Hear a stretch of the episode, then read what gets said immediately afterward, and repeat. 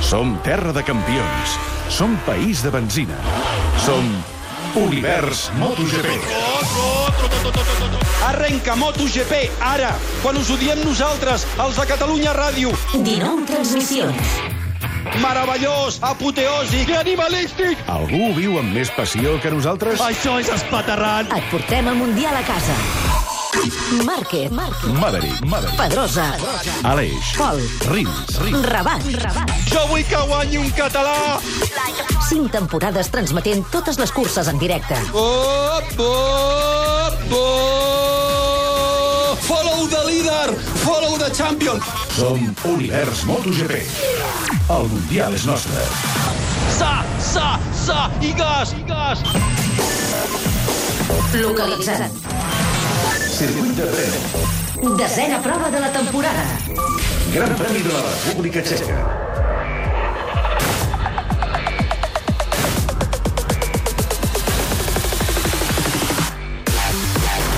No sabem si és per la calor o per què, però a Yamaha hi ha molt mal rotllo. O més ben dit, el box de Maverick Viñales.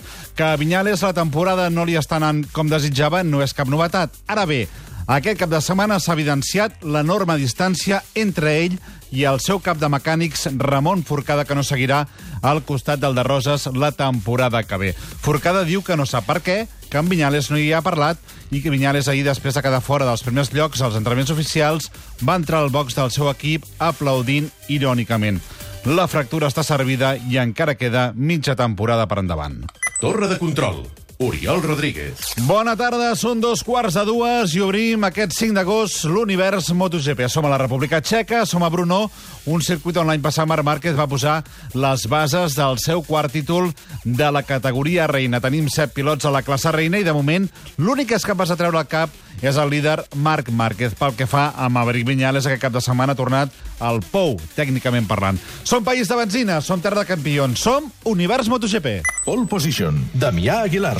Bon dia des del circuit de Brunó, 28 graus ambientals, 38 a l'asfalt. Ara mateix tenim núvols i un 40-50% de possibilitats que plogui durant la cursa. Pit Lane. Montsemir.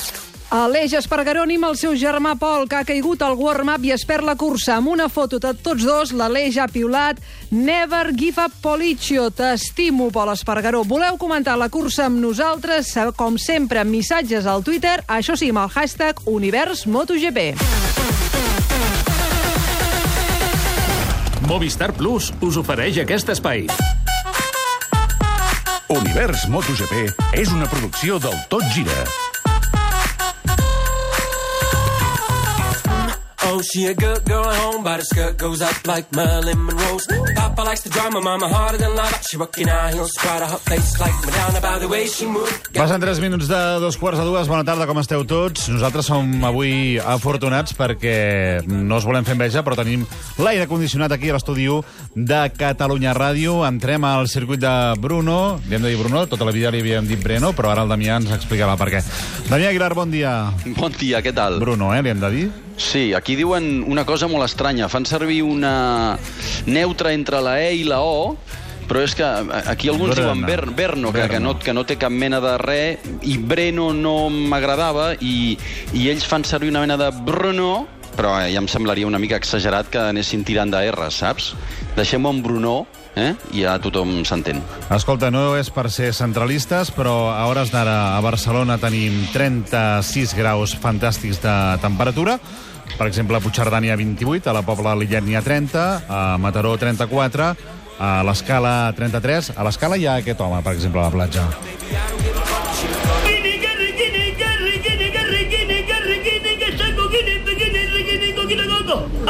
Per si algú ens escolta des de la platja de Riells a l'Escala, que hi ha aquest home mític que eh, continua venint... M'asseguren que... Jo, jo, el veia, jo el veia quan tenia 5-10 anys, per tant ja en fa uns quants, però m'asseguren que encara hi és venent cocos a, a l'Escala.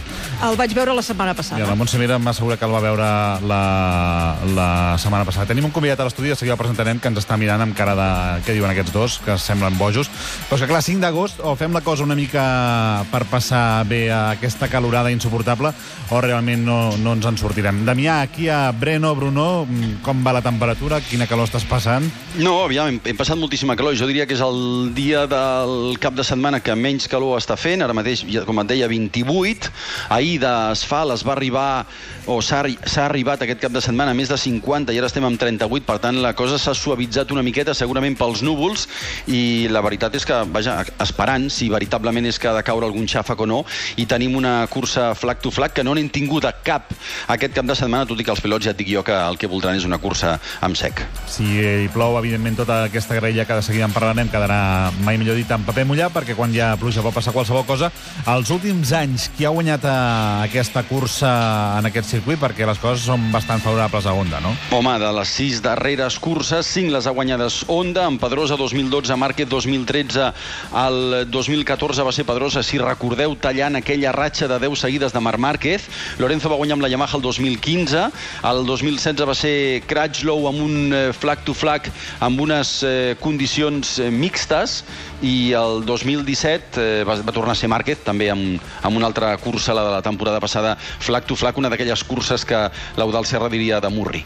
Més del 80% de les últimes curses les ha guanyat Honda en aquest traçat aquí la República Txeca. Tornant de les vacances, hem vist algun pilot que hagi pogut treure, tornar a treure el cap a banda dels habituals? És a dir, que la primera part de la temporada l'havien vist malament i que ara de cop i volta ressorgeix o com, Oh. com ha estat tot plegat? Aviam, jo parlaria de tres pilots en concret. Un és Dani Pedrosa, recordeu les lesions i l'anunci de la retirada. Psicològicament això ell ja ha reconegut que l'ha afectat i el vam veure dominant la primera jornada d'entrenaments. Sí que és veritat que sembla que alguna cosa li falta encara, perquè després a l'hora de la veritat no està classificant bé i això el penalitza. Joan Zarco, hem parlat de Zarco quantes vegades aquesta temporada? Moltíssimes a l'inici, però de cop i volta, després d'aquella caiguda a França, que tots pensàvem que podia guanyar i ell es pensava que podia guanyar, doncs resulta que va desaparèixer del mapa. A més a més, ha tingut afers personals amb el seu mentor, Laurent Felon.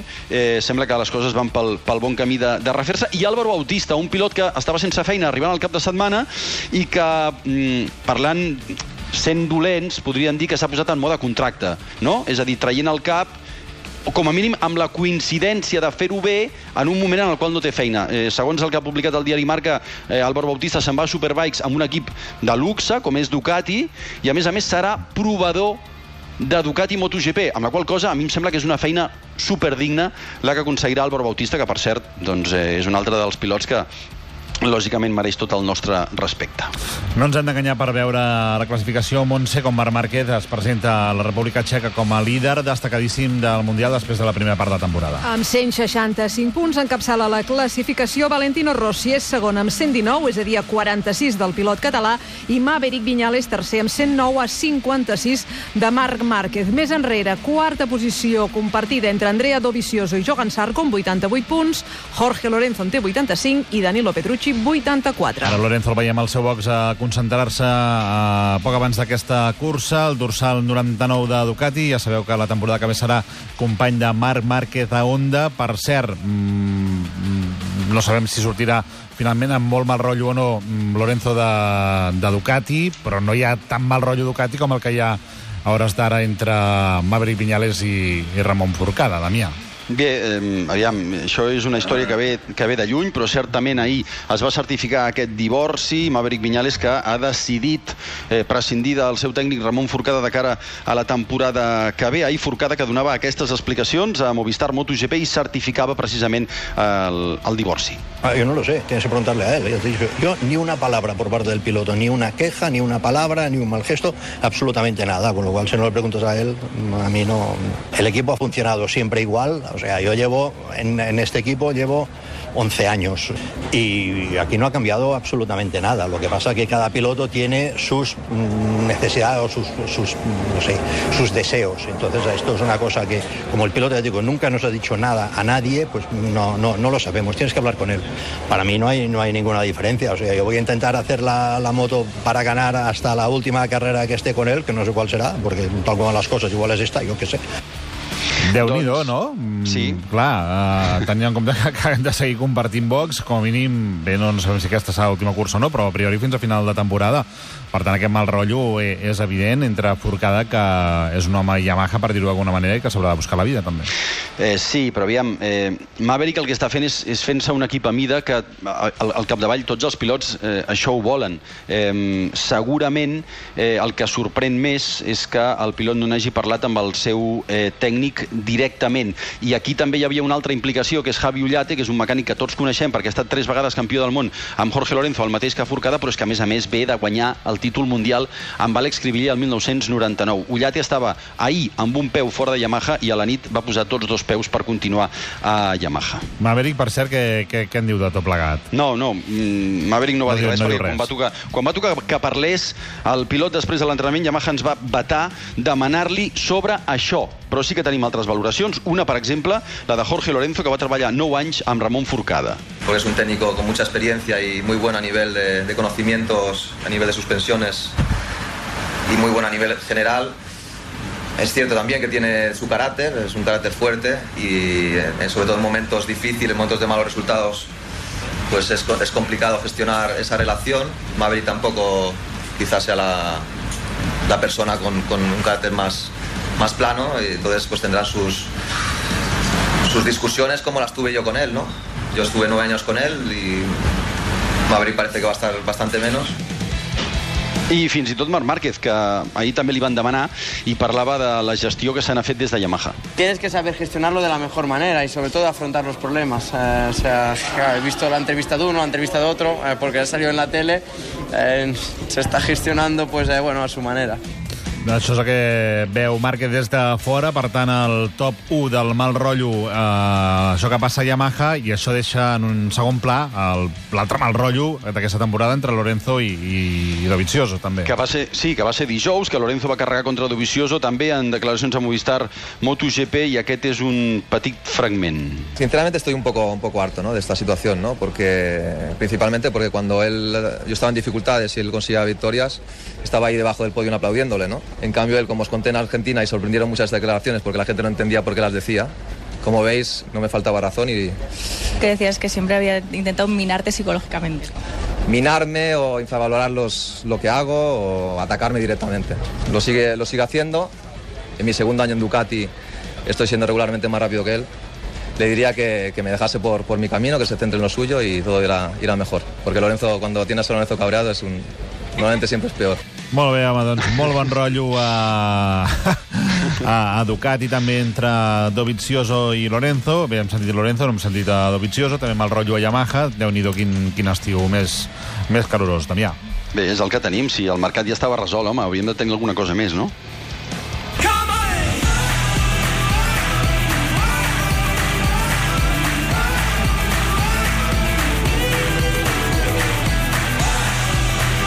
Ja he comentat que tenim avui a l'estudi un comentarista que abans a la Montsemer i a mi ens miràvem amb una cara així de, de pòquer, per dir-ho d'alguna manera. És el Ferran Roca. Ferran, bona tarda. Molt bona tarda. I benvingut aquí a l'estudi de Catalunya Ràdio. El Ferran és director de tècniques de conducció i de control, una empresa especialitzada en fer cursos de, de conducció i el que fas tu, Ferran, o te n'has encarregat també, és a se t'ha vist, eh? A, durant, durant el Gran Premi de Catalunya, ho hem vist a, al teu web, que tu ensenyes, no sé si ensenyes molt fort aquest verb dir, a Márquez o a Pedrosa, no? Déu-n'hi-do.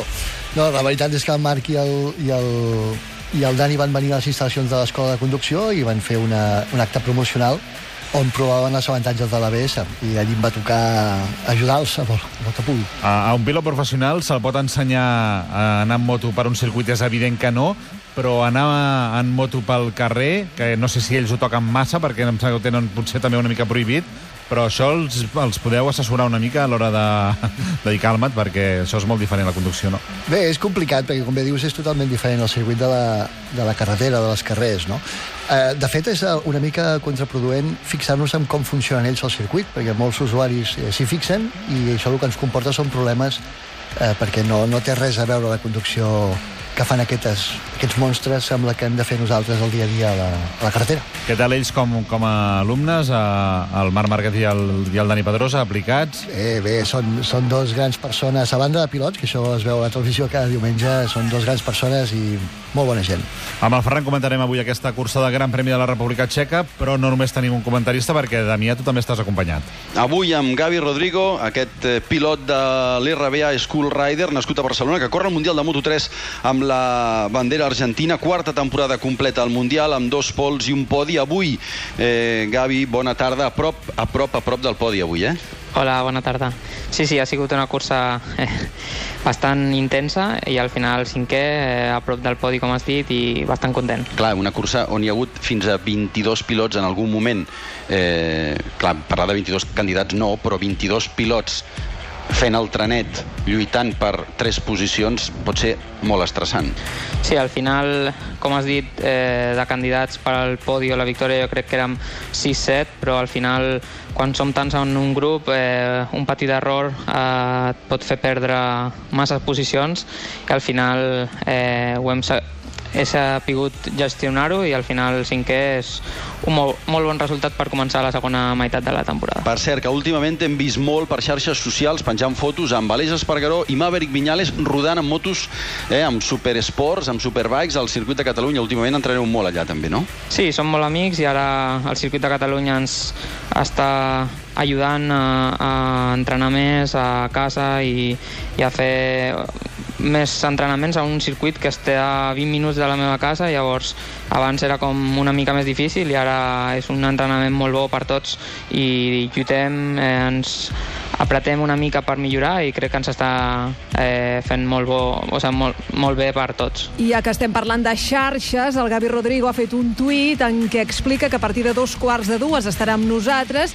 fent aquesta cursa de MotoGP, Univers MotoGP, i nois, us vigilen, eh? perquè el Lluís Costa, que el coneixeu tots molt bé, et diu que deixis el pavelló ben alt i que ell és a Jerez i que intentarà seguir-us tot i que no té gaire bona connexió. Una abraçada eh, des d'aquí a- Lluís Costa. Per cert, eh, ha estat cinquè eh, el Gavi en aquesta cursa de Moto3. Com ha anat eh, la resta de, del podi? També com ha anat Moto2, Montse? A Moto2, segona victòria de la temporada pel portuguès Miquel Oliveira per davant de Luca Marini, de Paco Banyà i Àlex Márquez ha caigut. Xavi Vierge ha estat cinquè.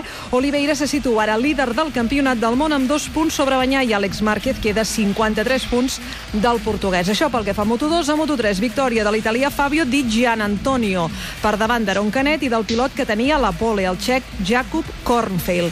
Gavi Rodrigo ens ho acaba de dir, ha estat cinquè, Albert Arenas novè, Marco Besecchi és el nou líder del Mundial en 3 punts més que Jorge Martín, que recordem-ho, no ha disputat aquesta cursa perquè l'han operat del canell. Passen dos minuts de tres quarts de dues. Univers MotoGP. Repassem la grella de sortida. Tercera fila. A la novena posició, Alec Rins amb Suzuki. Vuitè, Andrea Iannone amb Suzuki. Setè, Johan Zarco amb Yamaha. Rins es proposa aconseguir la seva primera victòria abans del final de la temporada. Segona fila. A la sisena posició, Danilo Petrucci amb Ducati. Cinquè, Cratchlow amb Honda. Quart, Jorge Lorenzo amb Ducati. Jorge Lorenzo és un dels homes que pot estar en la lluita pel podi. Primera fila. A la tercera posició, Marc Márquez amb Honda. Segon, Valentino Rossi amb Yamaha. A Márquez el que el fa feliç és que està a la primera fila en un circuit on la seva moto pateix. Pole position. Andrea Dovizioso amb Ducati. Primera pol de la temporada no n'aconseguia cap des del Gran Premi de Malàisia. Estem parlant del 2016. El seient del darrere. Avui també sortia desè Dani Pedrosa amb Honda, 11è Tito Rabat amb Ducati, 12è Maverick Viñales amb Yamaha, 23è Aleix Espargaró amb Aprilia. Fa un any a l'univers Semàfor a punt. Márquez des de la Pola amb Rossi Pedrosa a la primera fila. Gran Premi de República Txeca. Som els de Catalunya Ràdio. Comença la cursa. Márquez que tira cap endavant. Pedrosa que es posa en paral·lel amb Valentino Rossi i fins i tot el supera. Márquez que arriba a la frena del primer, però arriba Jorge Lorenzo amb una gran sortida i es posa segon Lorenzo, tercer Pedrosa, Jorge Lorenzo, que ara mateix amb aquesta mena d'avió de la Ducati supera Marc Márquez. Márquez a punt de superar, l'alt supera. Marc Márquez, el tro de Cervera, el campió del món món, el líder, líder d'aquesta cursa, després d'haver estat el més murri, com ho hauria fet Ángel Nieto. Márquez, líder, tenim podi català, tenim podi català a la República Txeca, falten tres voltes i és molt difícil que Valentino arribi. Valentino Rossi és a dos segons i mig de Maverick Viñales, Maverick Viñales ha apretat, Marc Márquez entrarà en solitari, serà un final de cursa molt llarg, molt llarg. Ismesila Esbieta guanya, guanya Márquez, d'en peus a sobre de la moto, fent el Sant Crist avui, Márquez, la patada forta. Entra Pedrosa segon, a més de 12 segons, i entra aquí el pistoler, tercera posició pel Maverick, tres catalans de l'alt podi, som una potència mundial!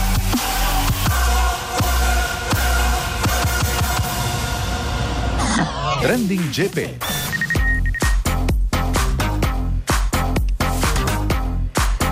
Voleu ajudar-nos a comentar la cursa? De fet, ja hi ha oients, que ho estan fer i voleu, a més, guanyar un fantàstic regal que us pot anar bé si teniu previst fer, per exemple, un viatge aquest estiu? Ho podeu fer a Twitter amb el hashtag UniversMotoGP. Quina cursa espereu? Quina anàlisi en feu? Com l'esteu seguint? Entre tots els comentaris sortejarem una maleta Roncato, una magnífica maleta que també podeu veure al compte de Twitter del Tot Gira, arroba Tot Gira. Animeu-vos, opineu i la maleta pot ser vostra. Per exemple, ja hi ha gent que ho està fent. L'usuari Puxira diu les condicions s'estan tornant més fredes i això s'adapta a Yamaha, no Ducati i Honda i tots sabem com és Rossi. Esperem que no plogui i sigui una carrera emocionant. Altres missatges, per exemple, un pel Ferran Roca, a part de l'escola de conducció, ah. té moltes mans amb la Vespa a les 24 hores cada any. Bon corredor i millor persona, ho diu l'usuari F Medal 14. Això són el compte de Twitter del Tot Gira amb aquest hashtag Univers MotoGP. Que sou endevins o que teniu ganes de fer una porra, doncs també ho podeu fer, en aquest cas, però, al Facebook del Tot Gira. Encerta el podi de la cursa i entra al sorteig d'un lot d'ampolles de cava verdi. Heu d'anar molt ràpids, perquè tanquem la porra quan comenci la cursa. Sí, perquè si no encerta el podi, evidentment, quan ja s'ha fet la cursa, eh, és fàcil. Un moment, abans d'anar als moments universals, Ferran, explica'ns això, 24 hores de, de motociclisme amb la Vespa, com, com va això? Bueno, sí, hi ha una activitat, una, una cursa que es fa cada any a Zuera, al circuit de Dakar, i allí anem amb unes vespes i ens ho passem bomba, amb l'únic que podem córrer amb una mica de dignitat encara a la nostra edat. Dignitat a la seva edat. És molt més jove de, del que diu ser.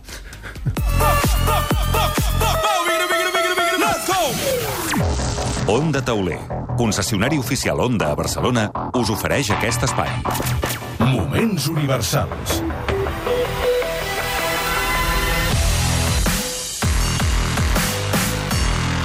I aquesta casa també fa molts anys ja que segueix el Mundial de Motociclisme. En fa 31, recordem un altre dels grans moments viscuts en aquests anys. Avui, la primera victòria Carla Checa al Mundial de 500 centímetres cúbics que va ser Catalunya. Carla Checa va arribar als 500 centímetres cúbics pel greu accident que va tenir Alberto Puig al Gran Premi de França el 1995. Va disputar les darreres cinc curses d'aquell calendari. L'última es corria al circuit de Catalunya. Quan liderava falta de 8 voltes, el de Sant Fruitós va caure, però a Checa Montmeló li'n devia una. L'any següent, el 96, Catalunya era la tretzena de 15 curses. A aquell dia, Cribella i Duhan van tenir un bonic duel particular per la segona posició, perquè Checa de seguida es va escapar i va creuar meta amb 6 segons d'avantatge. Checa, el programa La Jornada de Catalunya Ràdio. Sí, ha sigut una diferència molt gran, jo no m'ho esperava, però bé, hem fet una gran feina, tot l'equip, i jo he corregut amb tota la concentració que podia, sense cometre errors, i llavors s'ha vist reflectit al final de la cursa. Checa va saber aprofitar el moment en què es parlava sobretot de Cribiller per aconseguir la seva primera de dues victòries als 500 centímetres cúbics. Els mitjans informatius han parlat molt de Cribi, pensaven doncs, que, que la victòria seria fàcil per ell, i difícil per mi, però bé, no ha sigut així, no? És la manera que se'n donin compte. Clar, d'aquesta manera contribueixes a que a partir d'ara no només es parli de Cribiller, sinó que es parli de Cribiller i Xeca o de Xeca i Cribiller. Una cursa no es guanya, no?, la credibilitat. Jo crec que és tot un treball de, de, de, de tot un seguit de temps, de tot un seguit de curses. En aquests moments el Cribi, doncs, és normal, no?, Vull dir, que pensi la gent així, és el que tenia més opcions. No estic modest ni molt menys per això, jo simplement he fet la meva feina, he demostrat doncs, que també puc estar allà, el que tinc d'intentar ara doncs, és que la resta de curses que queden doncs, també està allà lluitant, que no, no només sigui aquí. A aquell dia al podi no sonarien els segadors, però sí durant la volta d'honor, en què el de Sant Fruitós va passejar la senyera. This man, as far as he's concerned, is king of the world. Carlos Checa, a Catalonian, has won the Catalonian Grand Prix and he's got his choice of flags. And he waves the Catalonian flag. La veritat és que no ho he sentit. No sé, tampoc li vull donar importància a això, no? Jo he guanyat i és el que compta. Aquell dia, Mick Duhan va certificar el seu tercer títol mundial de 500 centímetres cúbics. Onda Tauler, diagonal cantonada Passeig de Sant Joan a Barcelona, us ha ofert aquest espai. Onda Tauler marca la diferència. Romauto, concessionari oficial Nissan, us ofereix aquest espai. Damià Vol. Mirant el cel de Bruno, per si acabarà plovent o no durant aquesta cursa. Abans, però, farem el Damià Wall. Els pilots de MotoGP són o no uns privilegiats, potser sí, però Damià també són humans, eh? Evidentment, i si estàs lesionat, la moto no acaba d'anar i acabes de ser pare de bessonada, per exemple, com li passa a l'Aleix Espargaró, la vida no és tan fàcil. Tothom té els seus problemes a la vida, segur que els meus són, són menys, però està sent un any complicat, molt difícil. La meva nena va néixer molt petita, hem estat un mes ingressats a l'hospital, que ho va fer molt difícil. Ara ha arribat la lesió i he tingut que estar una setmana lluny d'ells a l'hospital sense poder fer pràcticament 5 dies de vacances eh, i arribo aquí amb dolor. Doncs bé, podeu escoltar aquesta reflexió completa de l'Aleix Espargaró al nostre web catradio.cat barra MotoGP. El Nissan Qashqai va ser el primer crossover de la història. Serà cert que el temps posa cadascú al seu lloc? Descobreix abans que ningú el seu nou disseny, els seus acabats interiors i les tecnologies Intelligent Mobility. Nou Nissan Qashqai, sempre el primer. Nissan Innovation that excites. Romauto Grup Concessionaris. A Badalona, carrer Acer 18, polígon Les Guixeres. romautonissan.com Re, dos minuts i escaig perquè comenci aquest warm-up d'aquest Gran Premi de la República Txeca, en què Damià no hi serà el, el Pol Espargaró, eh, que avui ha tingut aquesta topada a, al matí. Sí, una caiguda que hem vist repetida. Gabri, ens... què t'ha semblat aquesta caiguda? Molt estranya. Sí, no l'havia vist i molt, molt rara perquè sembla com si se li hagués trencat el motor perquè ha començat a eh, patinar la roda trasera i al final s'ha anat fora i molt... Eh, tonta, no, la caiguda? Sí, i a més a més, ell, ell descavalca de la moto amb una posició molt... Sí, molt poc, no és normal. Molt poc pràctica per caure, evidentment, perquè plega completament l'esquena i, i per això es temien que hauria pogut, hauria pogut tenir, sembla que no és així, afortunadament, una, una fractura a les cervicals. Quines són les claus d'aquesta cursa, Damià, avui?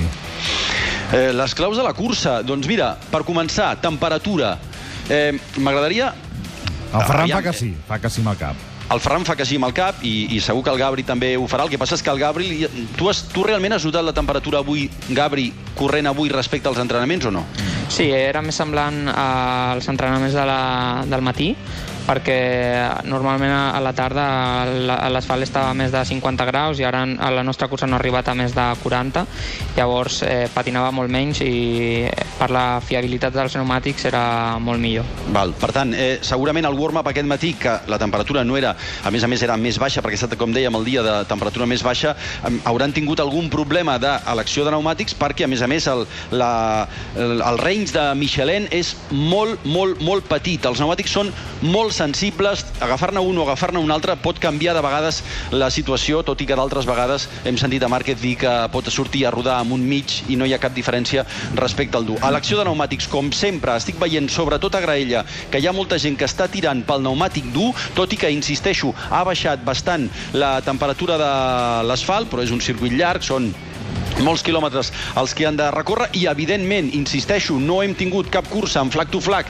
aquesta temporada. Com caigui algun xàfec, doncs tindrem una cursa flag to flag que sabeu que les últimes curses flag to flag sempre les guanya Márquez. Per cert, Márquez diu que en aquesta segona part de, de Mundial sortirà a atacar, no? Eh, sí, perquè diu que és la tàctica que, que precisament eh, li funciona més. El fet de, de sortir a l'atac té 46 punts d'avantatge sobre Valentino, però evidentment encara som amb 10 curses, per tant 250 punts en joc. Pot passar absolutament de tot. Ja sabeu que Márquez sempre juga al límit tot i que hi ha una dada important. Aquest cap de setmana no ha caigut ni una sola vegada. Això és important perquè és notícia. Ara mateix ens arriba la informació de la temperatura de l'asfalt 41 graus, per tant estem a uns 9 graus del que va ser l'FP4 de MotoGP, que és el que marca una miqueta la situació. I un altre tema que vull parlar, així ràpidament, Dorna ha començat una campanya per conscienciar els aficionats que no encenguin bengales durant la cursa perquè els pilots s'han queixat que en algun circuit i en algun moment han perdut visibilitat i ara mateix estem veient una graderia on hi ha, no, una no, diverses graderies En podem veure bastantes, eh? Sí. de bengales, segurament de valentinistes, de russistes, que estan tirant bengales d'inici als pilots. Gabri, això és perillós.